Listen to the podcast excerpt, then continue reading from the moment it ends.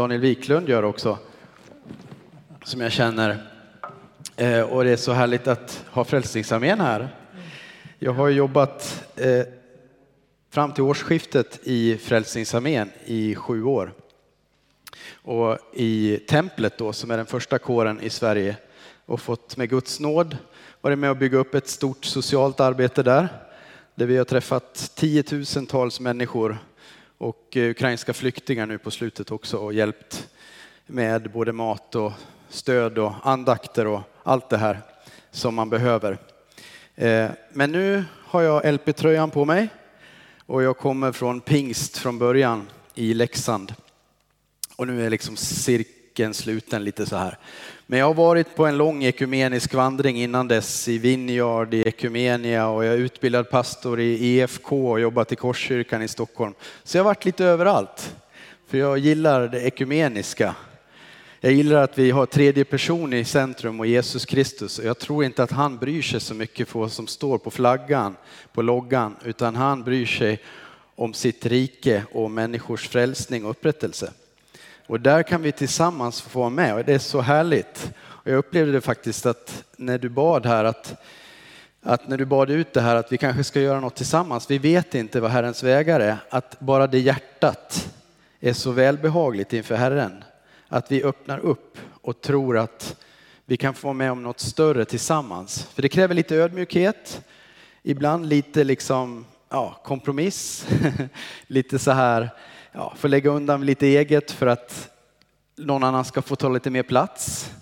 Eh, och så här. Men det är Gud välbehagligt. Och jag tror att vi är för få i Sverige för att hålla på och strida om de få själar vi är som är, är frälsta. Eh, vi har inte råd med det, utan vi behöver gå samman. Yes, det brinner jag för. Jag har gjort det ända sedan jag var tonåring faktiskt. Jag, jag bara tar en paus. Jag, jag, när jag var 19 år, då gick jag runt vi hade ett ungdomsgäng så här och vi var med från både Missionskyrkan, Pingstkyrkan och EFS. Det var det som fanns i lilla Siljansnäs 1800 där jag kommer ifrån. Eh, och jag fick för mig där att Gud vill inte att vi ska fira gudstjänst på olika håll.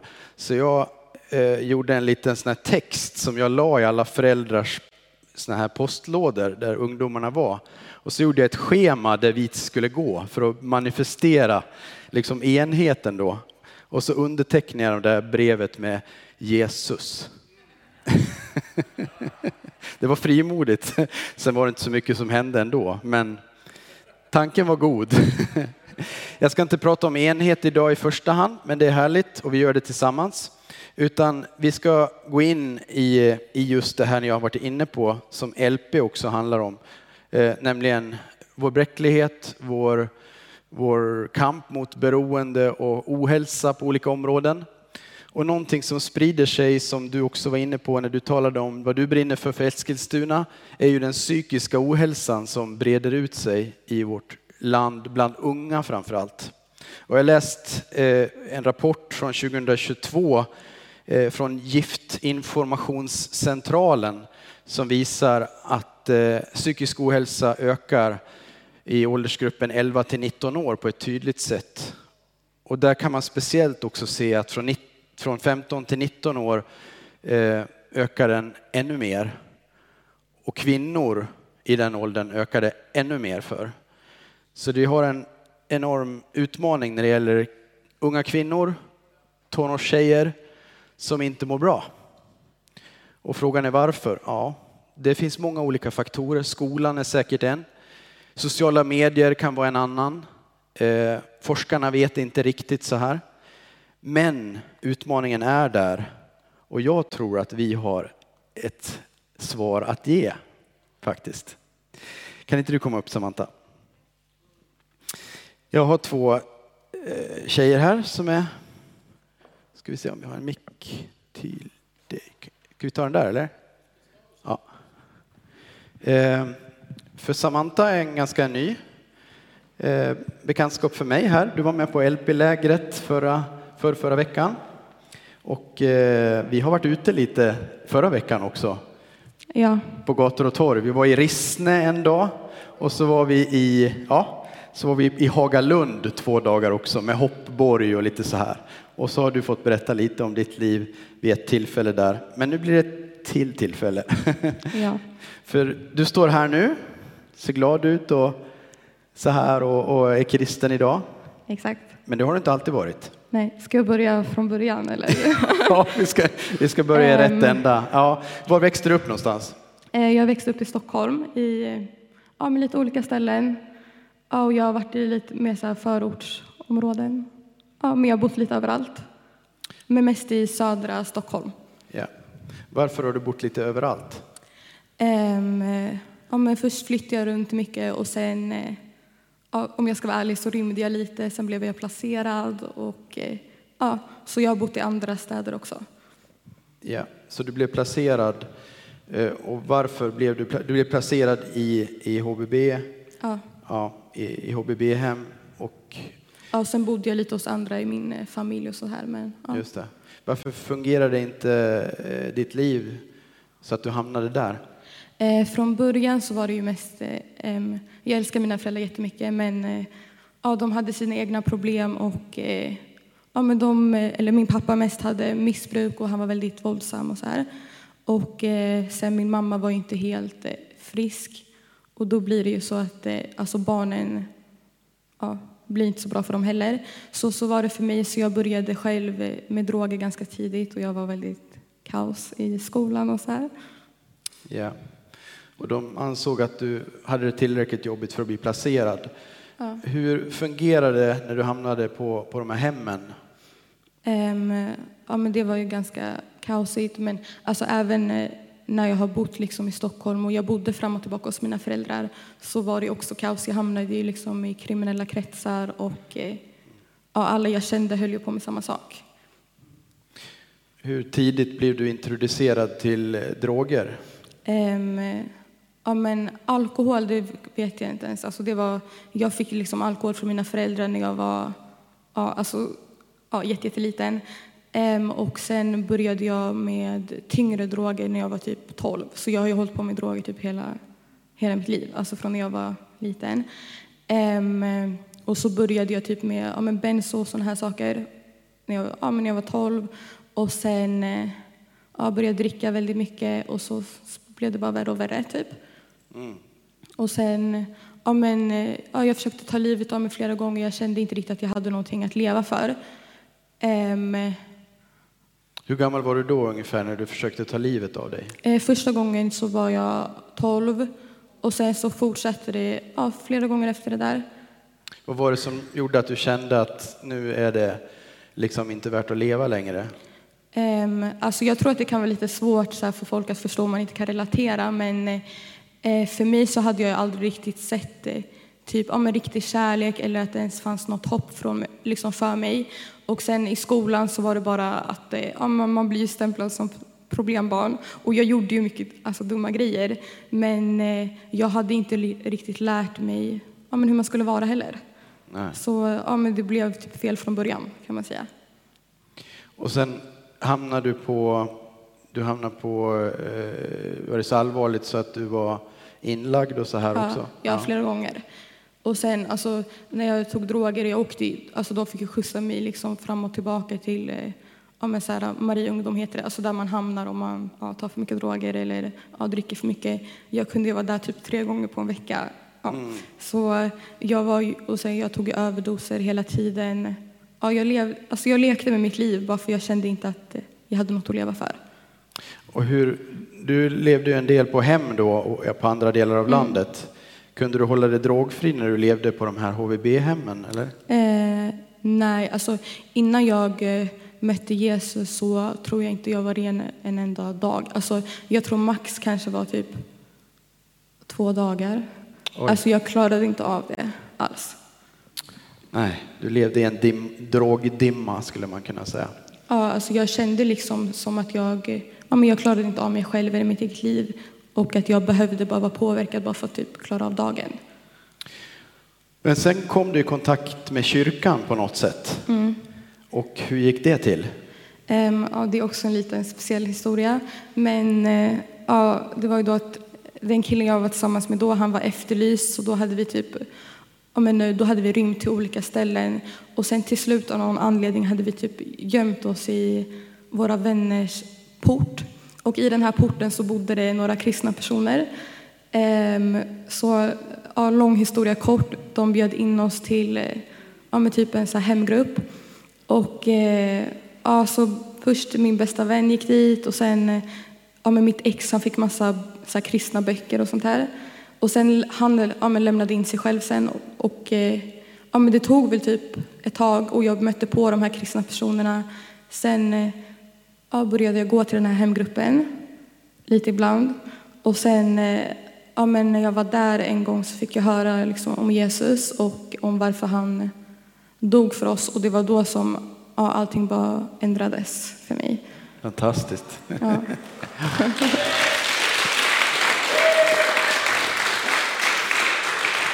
vad, vad var det du liksom kände då när du hörde det här att Jesus hade dött för, för, för oss? Um, alltså det var som att, eh, jag vet inte hur man ska förklara men det var typ det sjukaste.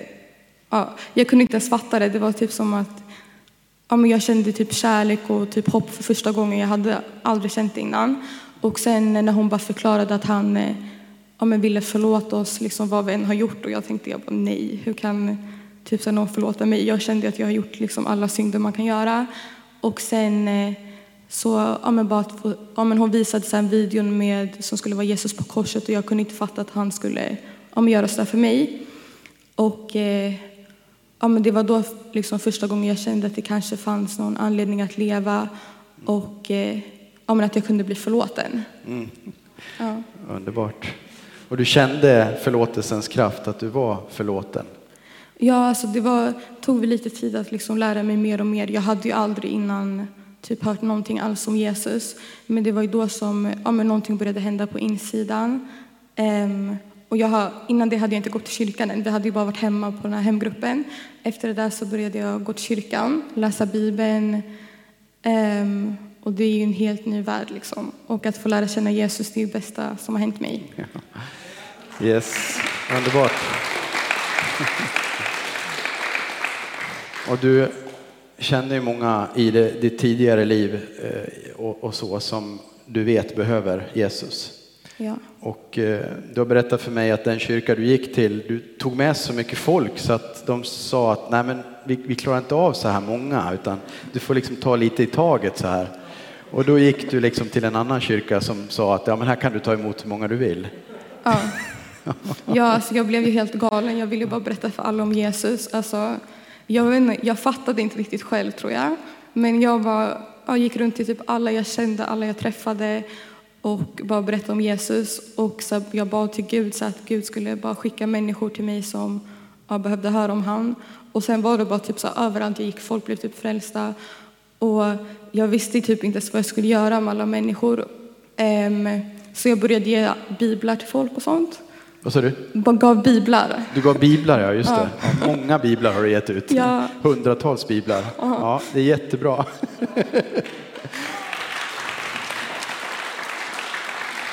Och eh, sen gick du själv bibelskola också. Ja, exakt. I Citykyrkan. Ja. Och där eh, fortsätter du nu, ja. årskurs två. Och då, vad händer då? I höst? Um, ja, vi ska ha evangelisation, så, eller, men det gör vi ju redan, men vi ska fortsätta göra det ännu mer och berätta för människor om Jesus. Yes. Ja, det är det viktigaste man kan göra, tycker jag. Ja, underbart. Ska vi be en bön för Samantha? Ja, Herre, vi tackar dig för, för Samantha, Herre.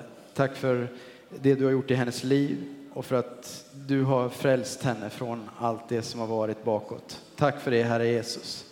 Och var med henne nu fortsättningsvis och låt den här elden som du har tänt inom henne få komma många, många till del, Herre. Och inte minst de som som henne själv är fast på olika sätt i självmordstankar och i psykisk ohälsa, i drogmissbruk.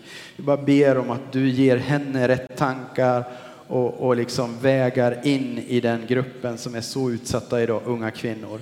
Välsigna henne och smörj henne till tjänst nu i höst och fortsätta och verka för ditt rike.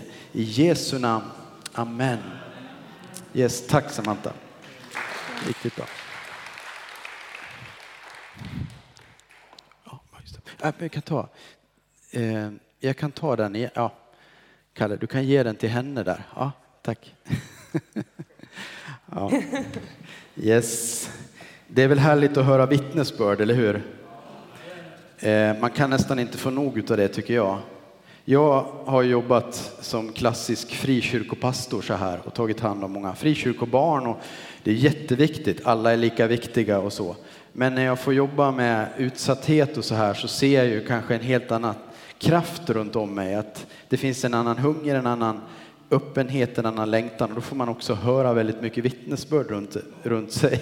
Och det skapar tro inom en själv och en glädje i tjänsten får jag säga. Så att ha sådana här runt sig, det är svårt att inte bli, fortsätta vara vital. Och svårt för en församling att inte leva med i att Gud är på riktigt. Så låt oss höra ett till vittnesbörd från Asta. Och du släpper, jag släpper dig nu för första gången här. Ensam lite, så prövar vi de vingarna. Ja, mitt namn är då Asta. Eh, jag är 20 år gammal och eh, är uppväxt mina första år på Lidingö. Ehm, jag kommer ifrån en ganska stor familj, vi är fem syskon. Ehm, och vi har haft det väldigt fint hemma men också ganska tufft. Eh, vi alla hade olika behov och mycket psykisk ohälsa. Ehm, och de första åren i skolan så kände jag redan då ett utanförskap som följde med mig många år i livet. Eh, jag blev misshandlad av mina lärare de första tre åren. Ehm, vilket gjorde sen att mina föräldrar flyttade för mig till en annan skola. Men redan där så hade jag tappat förtroendet för vuxenvärlden och allt som kallades myndighet, institution och samhälle. Så jag hoppade av skolan helt i femman, men hade redan då skolkat i ganska många år. Eh, och när jag då blev utan skola så blev jag en hemmasittare, men jag var aldrig hemma utan jag umgicks istället med andra som inte heller gick i skolan eller hade någon sysselsättning. Eh, och där florerade det väldigt mycket våld och droger och kriminalitet. Eh, och det var, det var den enda miljön som fanns egentligen. Ehm, och det fortsatte så i några år till. Eh, socialtjänsten kom till kännedom om min situation och omhändertog mig när jag var 13. Och eh, vid 13 års ålder då så fick jag flytta runt till olika familjehem och behandlingshem som inte heller var riktigt fungerande tyvärr. Eh, där kunde vi fortsätta missbruka och jag kände mig fortfarande i samma utanförskap som innan, om inte mer. Eh, och på ett av de här ställena då så fick jag inte röra mig speciellt fritt utan jag hade en kontaktperson som körde runt mig till olika möten och liknande. Eh, och den kontaktpersonen var muslim men hon hade en väninna som gick i en församling i Södertälje där hon var med och bakade muffins till ungdomar. Eh, och då hade jag fått eh, som ett krav av min socialtjänst att om jag sökte mig till nya sociala grupper som inte handlade om droger och kriminalitet så skulle jag möjligtvis få flytta tillbaka då till Stockholm. Vilket var allt jag ville. Så jag sa, ja, vi, vi går dit och kollar vad det värsta som kan hända. Vi spelar lite kort bara. Eh, och det var den enda inställningen jag hade. Jag hade ingen erfarenhet av kristenhet eller kristna människor sedan tidigare. Eh, utan föraktade faktiskt kyrkan ganska mycket. Eh, så jag gick dit eh, med en tanke på att få en bock i ett papper för att få flytta hem med droger i fickan och väldigt mycket bekymmer. Eh, och den kvällen så var det ingen predikan eller lovsång eller bön. Men jag fångades av människornas bemötande och hur de behandlade varandra men även mig som kom helt utifrån som absolut inte hade någonting att erbjuda dem eller ge dem. Ehm, och det bemötandet resulterade i att jag valde att följa med söndagen efter. Och då var det påsk. Och då predikades det om korset och eh, om vad Jesus har gjort för våran skull och att vi kan döpa oss och få begravas och uppstå med honom. Ehm, och på det mötet så fick jag ett väldigt, väldigt starkt möte med Gud. Ehm, jag upplevde hopp och frid som jag aldrig har sett tidigare. Och då bestämde jag mig för att döpa mig och det gjorde jag en vecka senare. Eh, och sen den dagen har jag fått vandra med Jesus och jag, Herren har upprättat mig. Han har gett mig nåd. Jag har fått se min familj bli återupprättad. Jag och Samantha gick i samma högstadieskola och vi har sett flera av våra kompisar bli frälsta. Eh, och jag vet att det ligger så mycket mer framför och det enda vi behöver göra är att tro och den nåden vi har över oss är större än någonting annat. Det var det.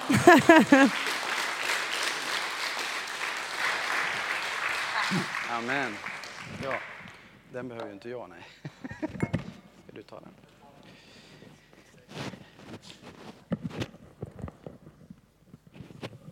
Tack så jättemycket Asta.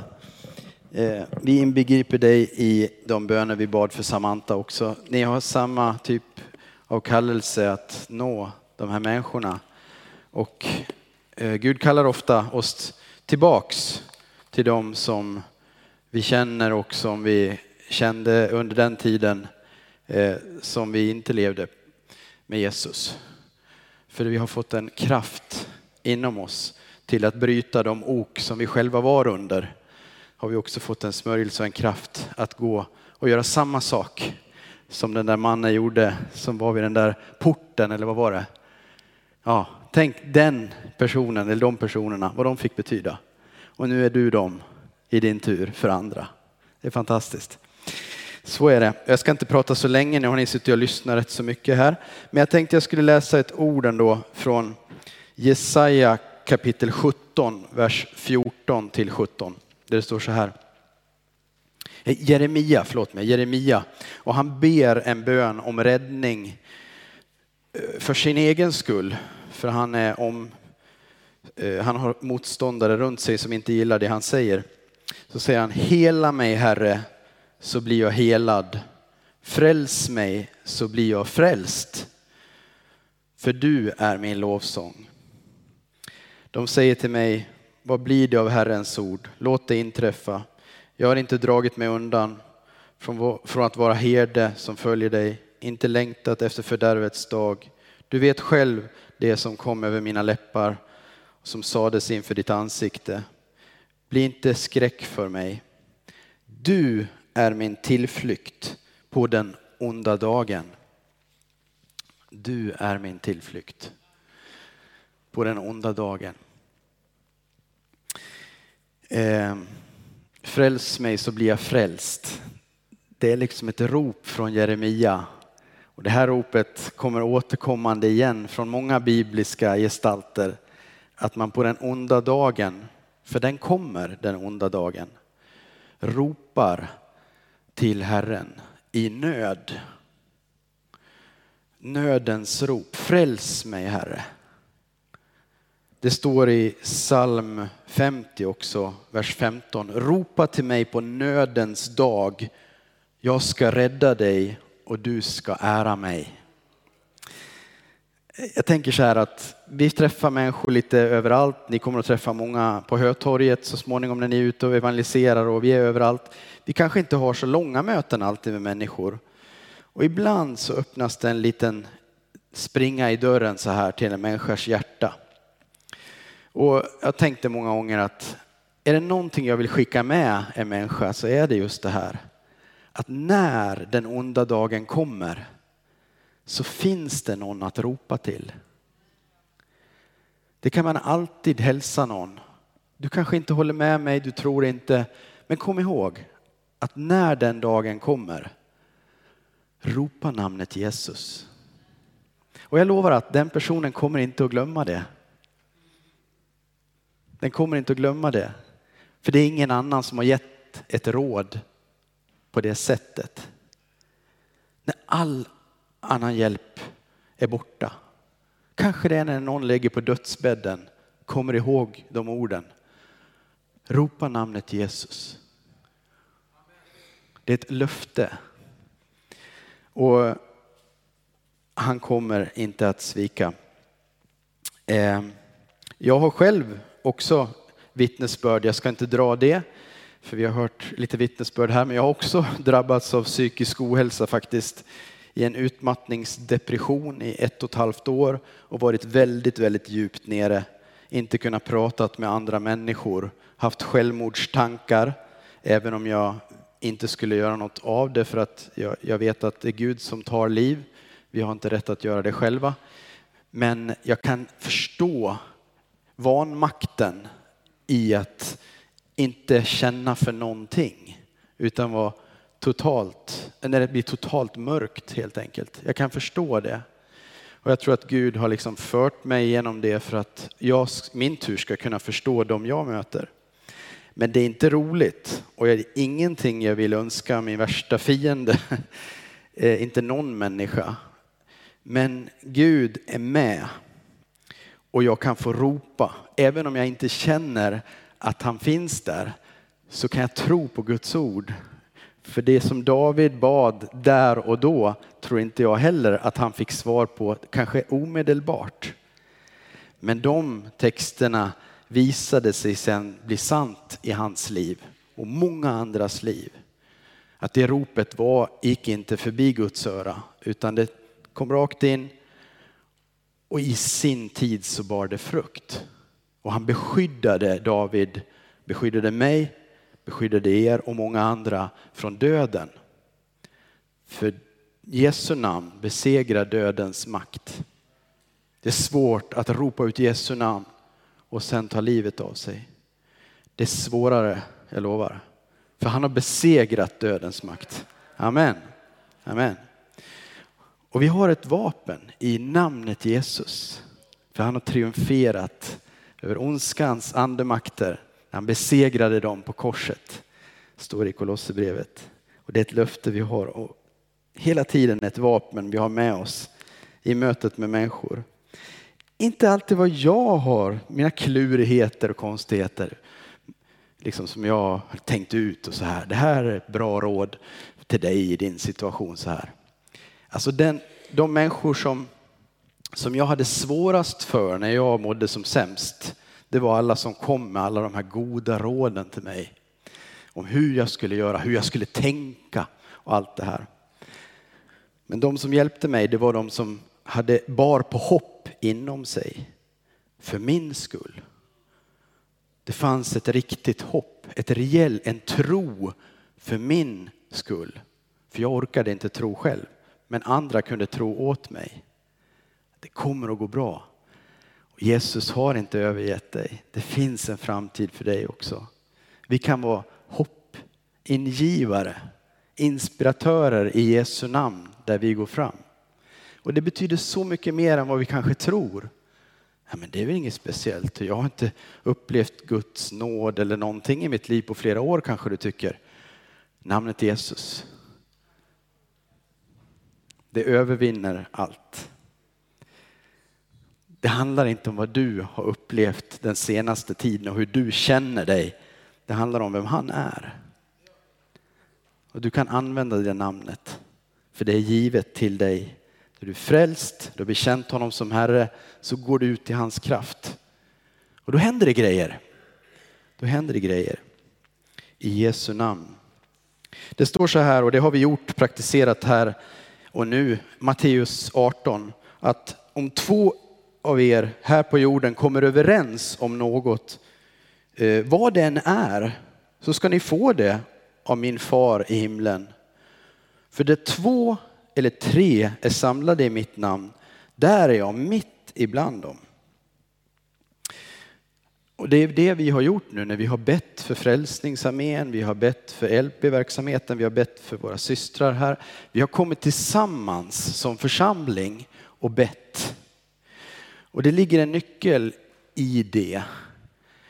De här tjejerna som är, har upprättade liv, de fick sin, sitt möte med Jesus Kristus i församlingen. Vi som församlingar, säger jag, ar, ja, kår, det är församling också. Vi har eh, någonting som du som individ inte har. Vi är två eller tre.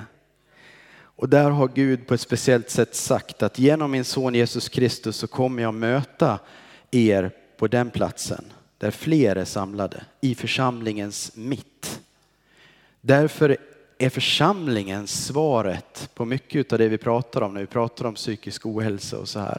Det är inte någon enskild terapeut någonstans i ett rum som kommer att fixa det här, utan gudsmötet och förvandlingen kommer att ske här, gudstjänsten, i bönemötet, i gemenskapen.